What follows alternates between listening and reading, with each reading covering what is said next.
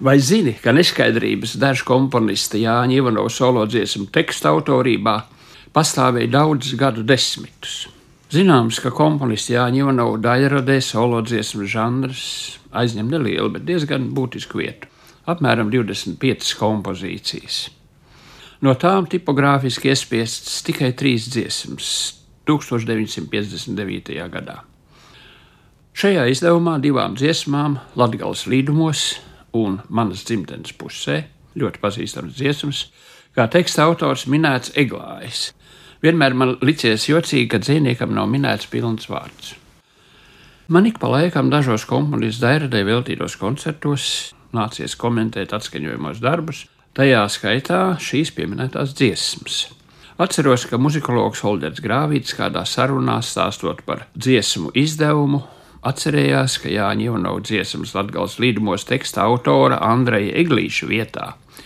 Izdevuma veidotājiem minējis citu vārdu saknē mazliet līdzīgu uzvārdu Eglājs.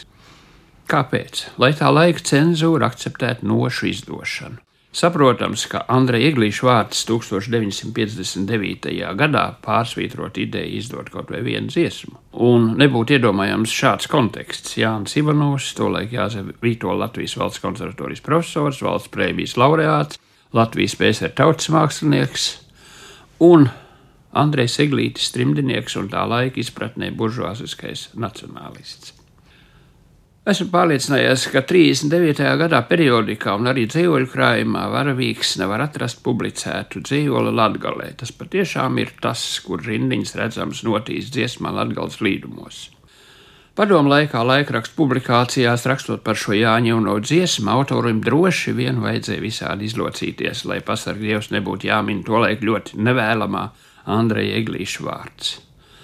Tā 1956. gada žurnālā Karoks, muzikologs Artūrs Werners, komponists 50. jubilejas reizē, apcerot viņa dairadi, piemin dziesmu Latgals līdumos ar it kā kāļa skalbes tekstu.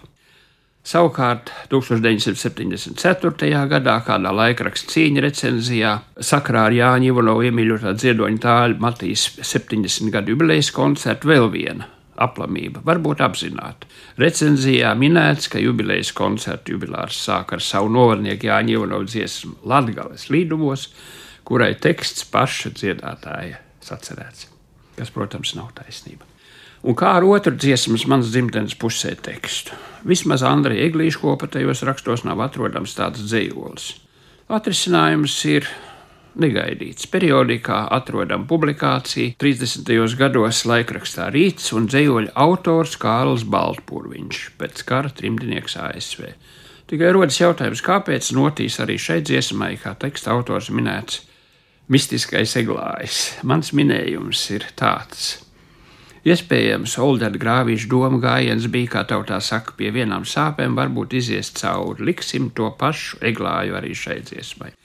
Runājot par dzinieku, režisoru un aktieru Kārlu Balpurviņu, noteikti viņš un Jānis Ivnovs bija labi pazīstami. 30. gadu otrajā pusē komponists strādāja par diriģentu Rīgas radiofonā, savukārt Kārls Baltpurviņš bija darbinieks radiofona literārijā daļā. Starp citu, viņš ir dziesmas pie dzintara jūras, jeb kā rakstīts 1939. gada izdotajās notīs dzintara jūras krastā, latviskā teksta autors.